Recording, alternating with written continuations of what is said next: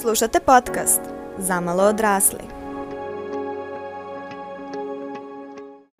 Zdravo svima i dobrodošli u novu epizodu podcasta Zamalo odrasli. Znam, prošlo je mnogo vremena, ali prosto došlo je tako vrijeme da nisam mogla sve i onda sam morala da izaberem prioritete.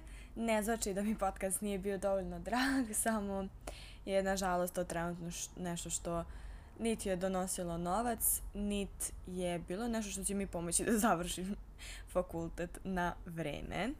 Te sam zbog toga morala da malo pauziram, ali sad se vraćam i spremala sam puno sadržaja za ovaj raspust, odnosno za period između uh, zažetka mojih studija i početka master studija. Uh, tako da, eto, ako niste videli i pročitali u naslovu, diplomirala sam.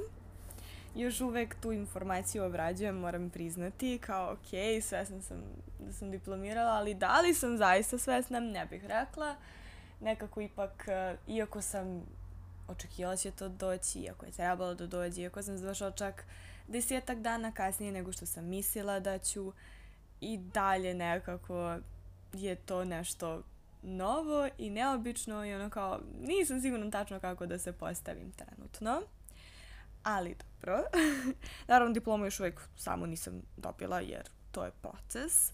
Ali pošto na mom fakultetu ne postoji diplomski rad, a, položila sam posljednji ispit, upisani su mi sve ocene i eto, to je kod nas da diplomiraš. Što možda i jeste koliko god da je lakše s jedne strane, jer kao ne moraš pored svega još da radiš i diplomski rad. A, takođe je i teže, jer mislim ovako nekako nemaš osjećaj da si završio kao ok, mislim, položila sam ispit kao i svaki drugi i šta sad? ovaj, tako da, eto, to je nešto što, to je neki moj prvi utisak. Ali zapravo ono što sam htjela da podelim mnogo više tokom ove epizode, jer ne mogu da kažem kao, o, kako se osjećam sad kad sam diplomirala, iskreno ne znam. I još uvek nisam okusila neke stvari koje mi donosi to što sam diplomirala. Evo čak ni na LinkedInu nisam promenila da sam diplomirala, moram to da uradim. Uh, već više nekako sada kad sam prošla sve četiri godine, odslušala sve predmete, položila sve predmete, um, da se osvrnem na to kako su mi prošle studije. Prvo neki sveukupan utisak, ne, nisam se nimalo pokajala što sam upisala šta sam upisala. Um, za one koji ne znaju, studiram ekologiju.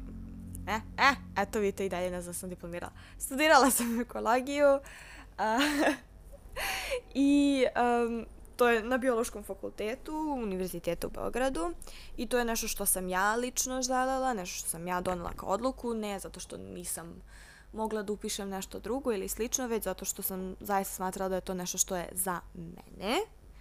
Uh, zato što je to jedino mesto na univerzitetu u Beogradu gde može se studira zapravo ekologija. Znači sve drugo nije ekologija. Sve drugo je nešto drugo, recimo kao zaštita životne sredine i sad raznih aspekata. Da li ta dva imaju nešto zajedničko? Da, ali da li je to jedno te isto? Apsolutno ne. Ekologija je fundamentalna nauka, odnosno to je nauka kao i biologija, kao i matematika, kao i ne znam, druge bilo koja druga prirodna nauka. Uh, Jeste ona s jedne strane se gleda kao grana biologije, zato se i uči na biološkom fakultetu, ali vrlo, vrlo lepo možda stoji i ono, sama na svome, s obzirom da je to jedna vrlo kompleksna nauka, samo zato što moraš svom problemu da priđeš iz raznih strana.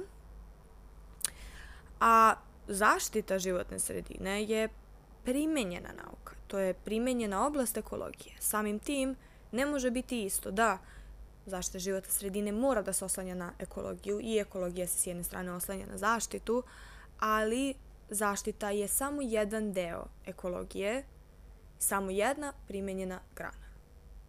I sad opet kažem, zaštiti se može prići iz raznih uglova, takođe, jer na raznim fakultetima to ima, zato što svako ima neki svoj doprinos koji može da da i to je čar ekologije.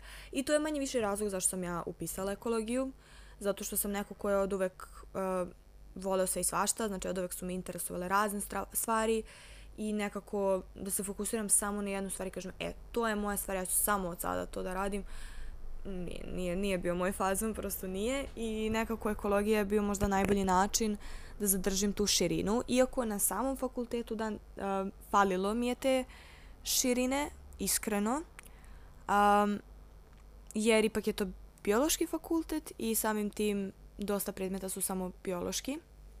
U prve dve godine ima i drugih predmeta, što je meni bilo super cool, uh, ali kasnije se to gubi. To ne znači, meni su iskreno najlepši predmeti na fakultetu bili neki ekološki predmeti. To je definitivno da se meni ekološki predmeti izuzetno sviđaju, ali recimo meni se nije dopalo količina nekih bioloških predmeta koje smo imali.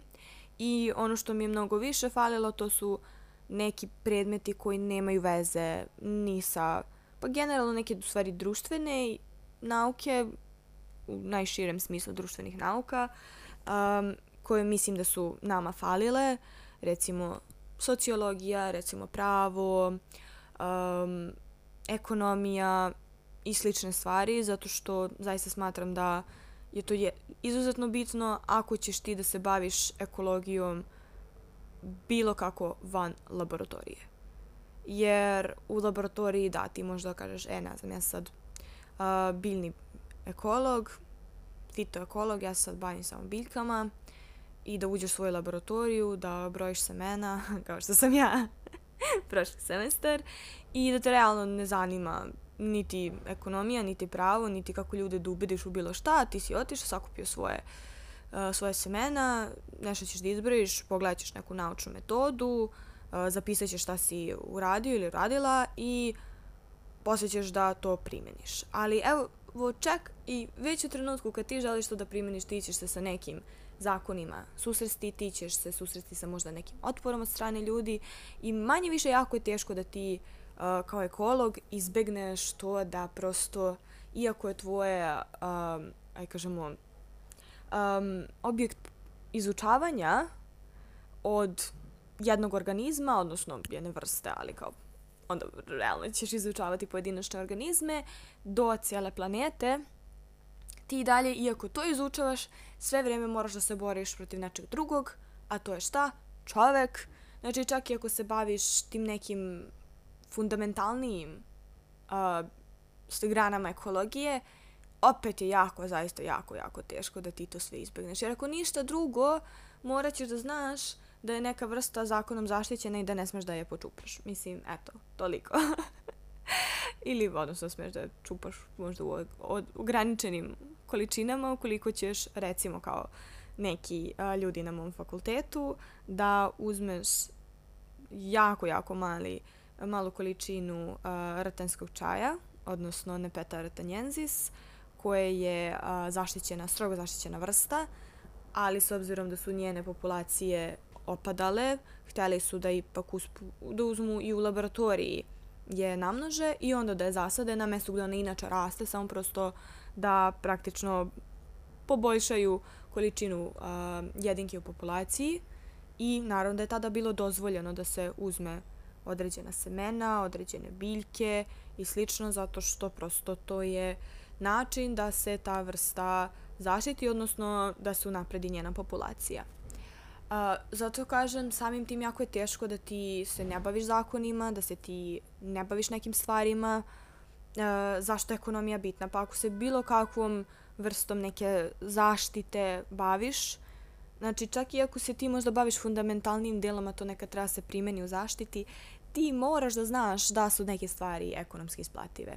Jer recimo kada je jedan naših profesora radio na linijskom parku, ne znam da znate šta je to, ali ako ste videli onaj park uh, od recimo Beton Hale do 25. maja, mislim to nije park, to je kao ne znam kako bih ni nazvala, jer mi obično pomislimo park, misliš samo kao zeleno i tu su neka igrališta, ali uh, linijski park logično ide u liniji i to je taj deo između Beton Hale i um, 25. maja.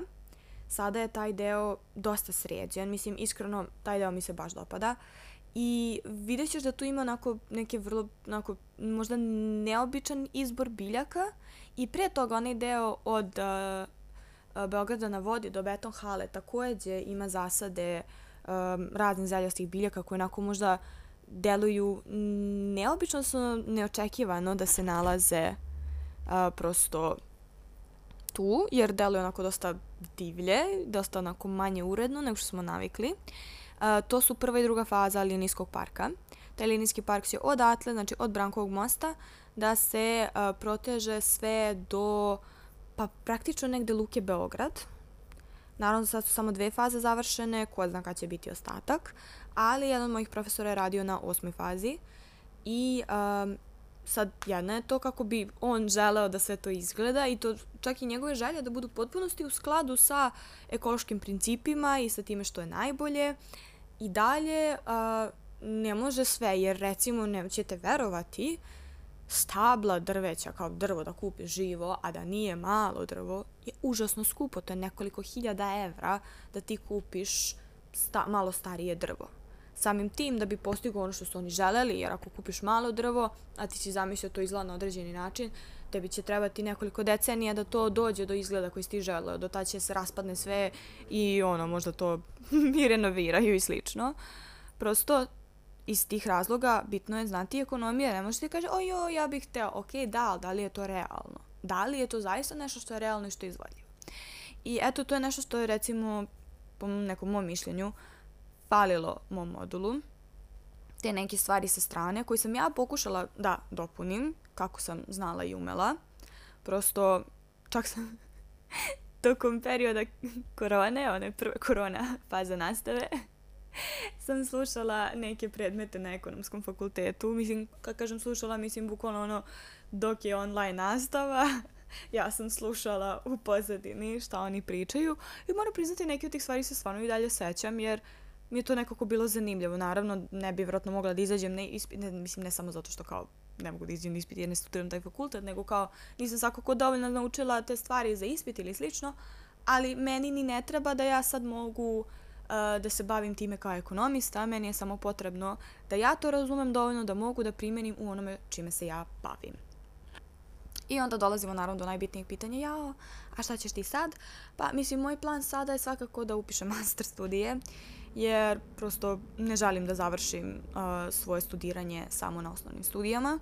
Prvo zato što smatram da nisu bile dovoljno specifične, da mi treba da naučim još veština, da je ovo samo iskreno bio početak. Uh, vola bi da nama posle master studija uh, nastavim i na doktorskim studijama. Gde ću upisati master studije? Najverovatnije u Beogradu, uproko svim mojim naporima.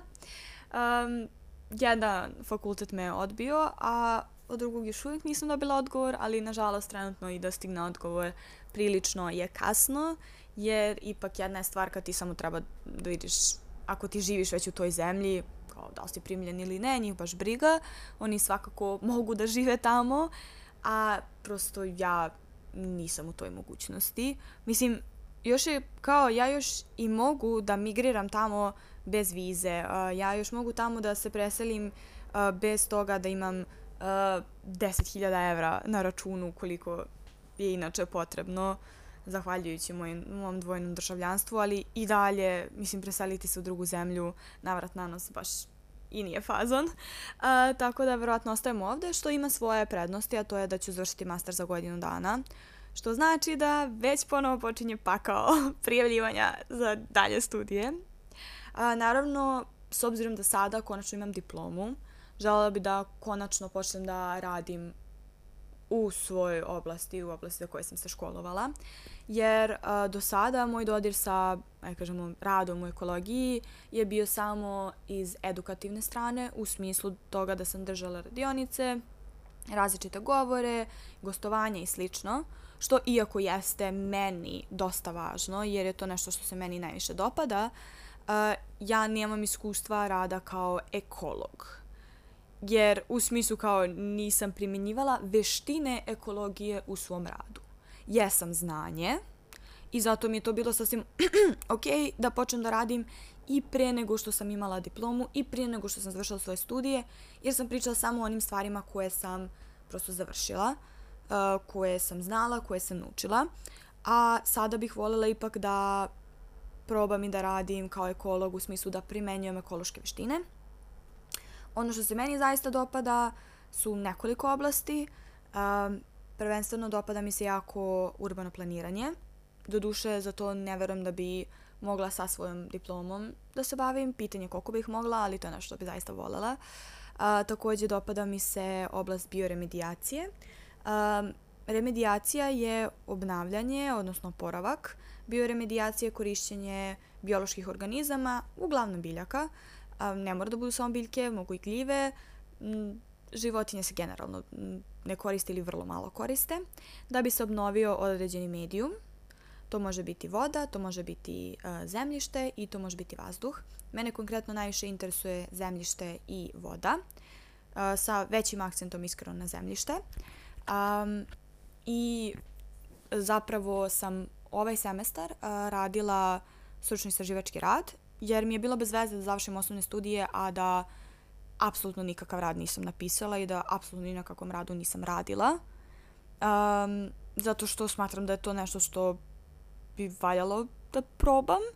I s obzirom da mi imamo kao jedan od izbora za izborni predmet um, stručno istraživački projekat, gde možeš da radiš razne stvari, između ostalog i da napišeš rad. Uh, ja sam odabrala to u ovom posljednjem semestru. Mislim, ja bih volala da sam to mogla raditi u prvom semestru, ali ako radiš na biljkama, ne možeš baš ti da biraš kada ćeš da radiš na njima, već one biraju kada možeš da radiš na njima.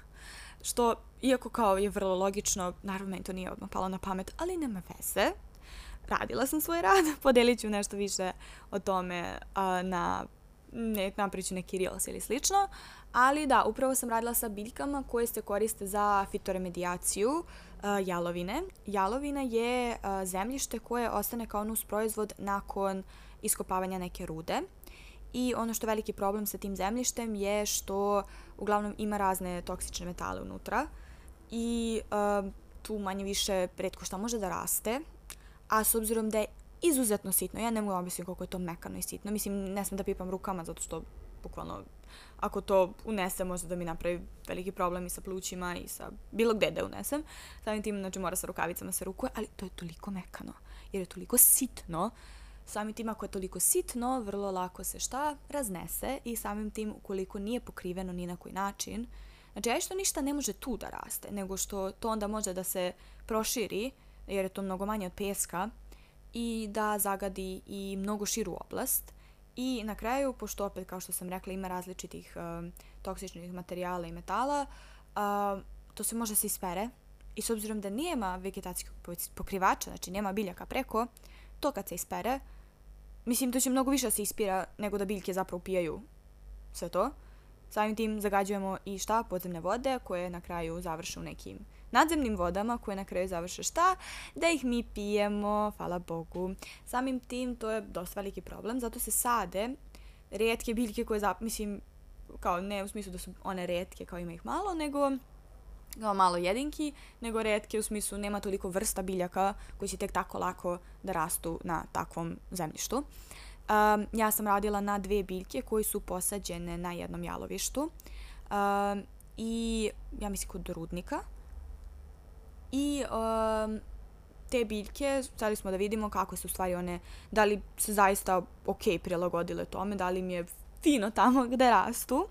I onda smo radili uh, testove uh, klijanja, znači koliko im je klijavo sada nakon što su živele tu. Uh, I takođe gledali smo da li imaju neke mikronukleuse, što je pokazatelj um, ukoliko ih ima previše da biljka živi pod stresnim uslovima. A, rezultati, pošto sam završila mogu da vam ih otkrijem, a, ima više mikronukleusa nego što je granica normale, što znači da im nije baš najbolje, ali daleko manje od nekih biljaka koji su neprilagođene da žive na takvom a, vrstu, na takvoj vrsti zemljišta, što znači da su to zapravo odlične biljke.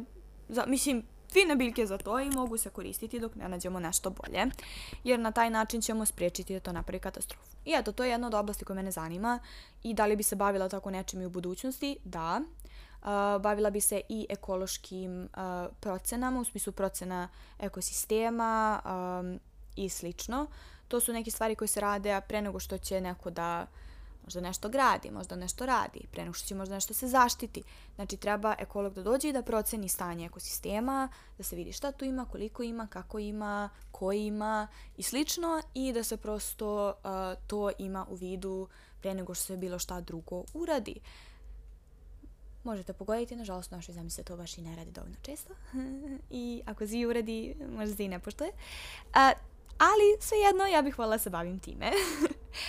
Za sada se prijavljujem na razne ekološke poslove, bukvalno što god da nađem, vidjet ćemo da će neko da me primi, jer ono što jeste najveći problem je što, kao što sam rekla, nijemam iskustvo rada kao ekolog, a, samim tim gomilu poslova gde se, iako je početna pozicija, traži od 1 do 3 do 5 godina iskustva, prosto pitanje da će me primiti s obzirom da ja imam nula.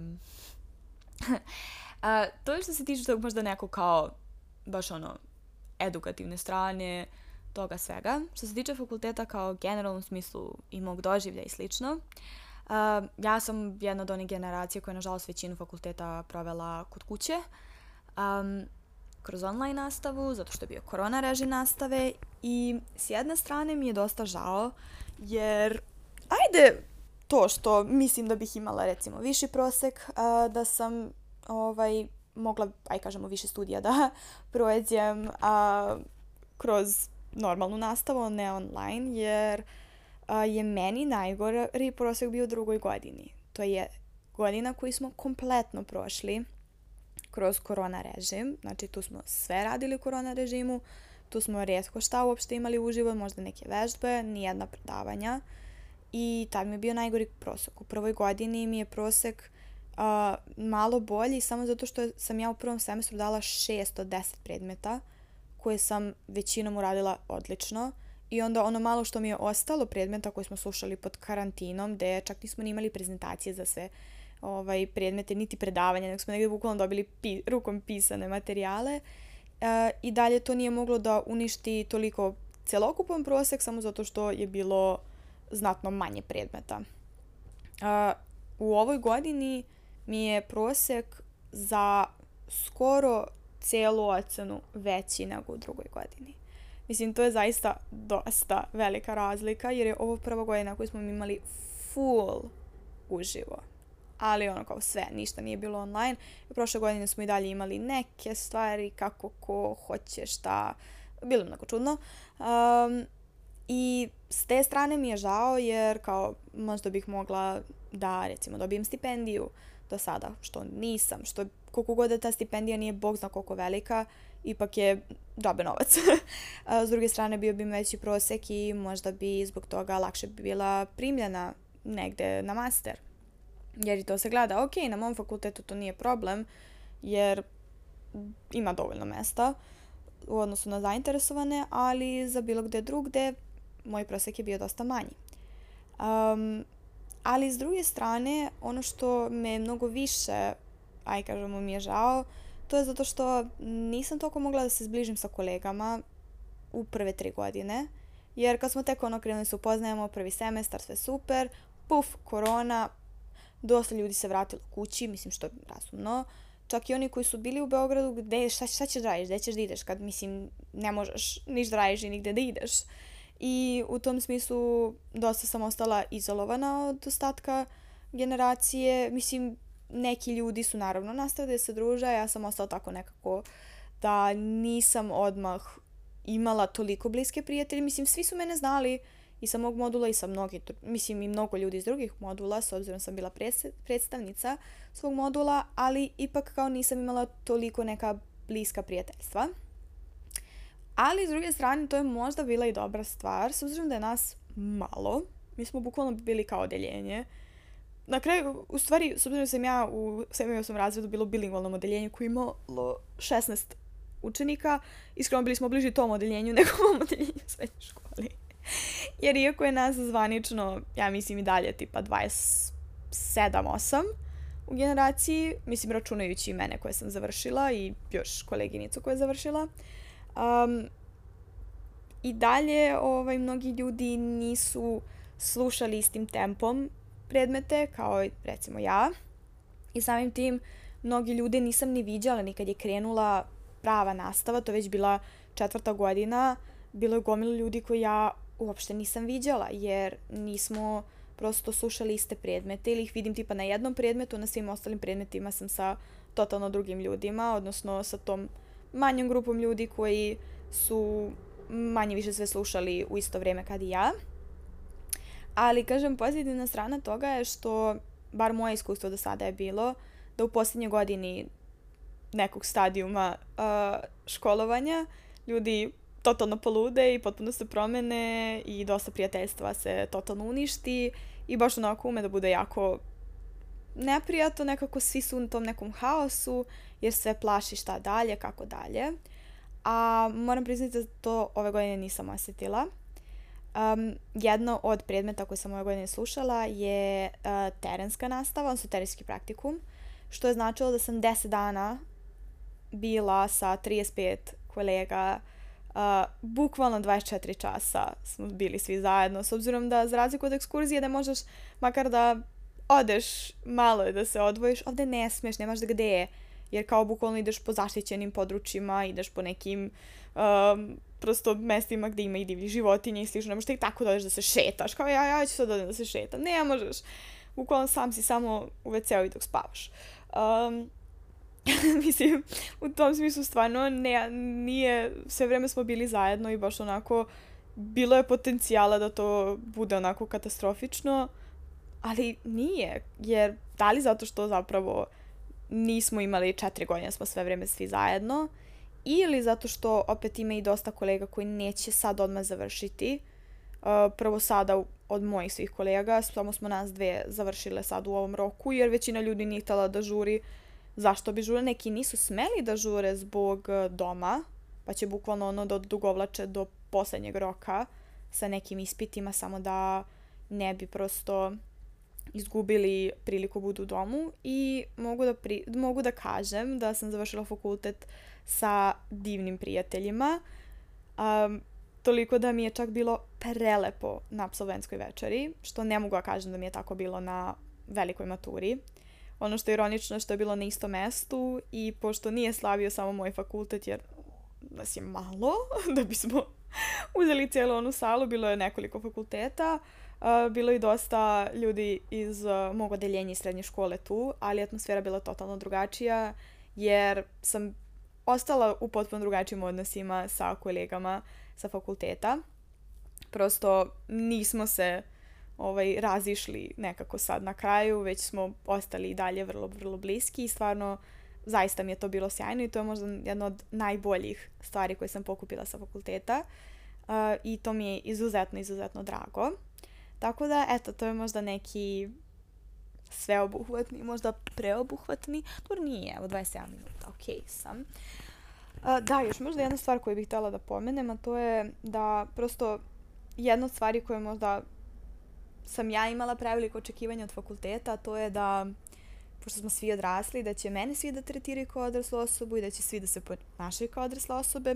To mislim i na kolegi, iako nije bilo nekih iskreno prevelikih drama koliko je bilo u srednjoj školi, ipak bili su neki momenti da onako staneš i budeš u fazonu da li je moguće da smo, da si poneo ili ponela ovo van srednje škole? Kao, ajde, bili smo klinci, da smo stvarno nismo neke stvari gledali na pravi način i prosto to je normalno. Ali kao sada smo odrasli ljudi i valjda ja sam imala suviše očekivanja da su svi odrasli. Jer ja znam koliko sam ja stvarno napredovala što se tiče stavova, što se tiče ponašanja od srednje škole. Nekako sam očekivala da su i svi drugi. ali nisu. Ali ono što me mnogo više vređalo to je kada vidim da profesori apsolutno su mnogi nikad nisu prešli preko tog nivoa, da prosto neke stvari koje prosto ne možeš da veruješ da neko ko ima toliko godina, mislim oni su svi, dosta njih su stvarno u godinama, ljudi ono pred penziju, da i dalje se ponašaju na određene načine, ali dobro, iskreno značilo mi je, jer ipak u srednjoj školi nekako imaš drugačiji odnos sa profesorima, jer viđaš ih stalno, dosta predmeta slušaš sve četiri godine, to su sve isti ljudi, uh, viđaš ih nekoliko puta nedeljno i tako, a ovde ne. Uh, mislim, najviše što mi se dešavalo to je da mi neko predaje dva semestra. ne baš za redom uvek, ali ono kao da dva puta slušam predmet, dva, dva različita predmeta slušam kod nekoga. To je bukvalno bio maks, maks, maks. I kao definitivno vidim da su mi ti profesori nekako zerica draži, zato što nekako imaš više vremena da ih upoznaš. Tako da osjetiš ipak neku vrstu kao, a to kao moji profesori, samo zašto ih duže gledaš, ali opet s druge strane kao nema ipak ta mogućnost da se stekne taj neki odnos kao u srednjoj školi. Ali opet evo ja mogu kažem, mene dosta profesora zapamtilo, dosta asistenata zapamtilo, dosta njih kao imam sasvim kao fine odnose, iako smo tako kratko sarađivali. Um, također ono što sam zanimljivo upoznala, što možda nisam toliko videla u srednjoj školi, a to je koliko neki ljudi mogu da budu odlični, recimo, predavači, a da s druge strane budu užasni, recimo, organizaciji. Kao u smislu organizovanja svog, svog vremena, a i tvog vremena, boga mi onda. Ili da neki budu super u jednoj i drugoj stvari, a da budu odvrtni ljudi. A da neko bude divan čovek, a da nema pojma da predaje, a i da realno baš loše organizuje predmet i da te to opet košta i ocene i živaca i svega. Ali da vidiš da dobar čovek prosto, da je dobra osoba. I nekako to razgraničenje mi dosta nekako pomoglo da vidim da postoje takve nijanse, da neko prosto može bude odličan u nečemu, a brate katastrofa u drugim stvarima. I da to prosto ne mora da ide zajedno. Eto, to je neki sad moj sveopšti utisak. Um, nadam se da će ovo nekome koristiti, zaista. A, kažem, ja pripremam neke nove epizode, čak i sa nekim gostima. Mislim, ono, moram i da obavestim te goste da to pripremam. um, ali svakako, sada, pošto imam dosta vremena, više, jer kao radim sve ostalo normalno, ali samo nemam faks. Nemam, razumete, ne moram da učim. Nemam ništa da učim, sve, gotovo je sve. I to kažem kao neko ko. Šalim se, imam šta da učim, zašto sam upisala kurseve na korseri, ali o tome ćemo kasnije. um, ali još sam htjela da kažem je, omg, ja sam diplomirala. Slušamo se.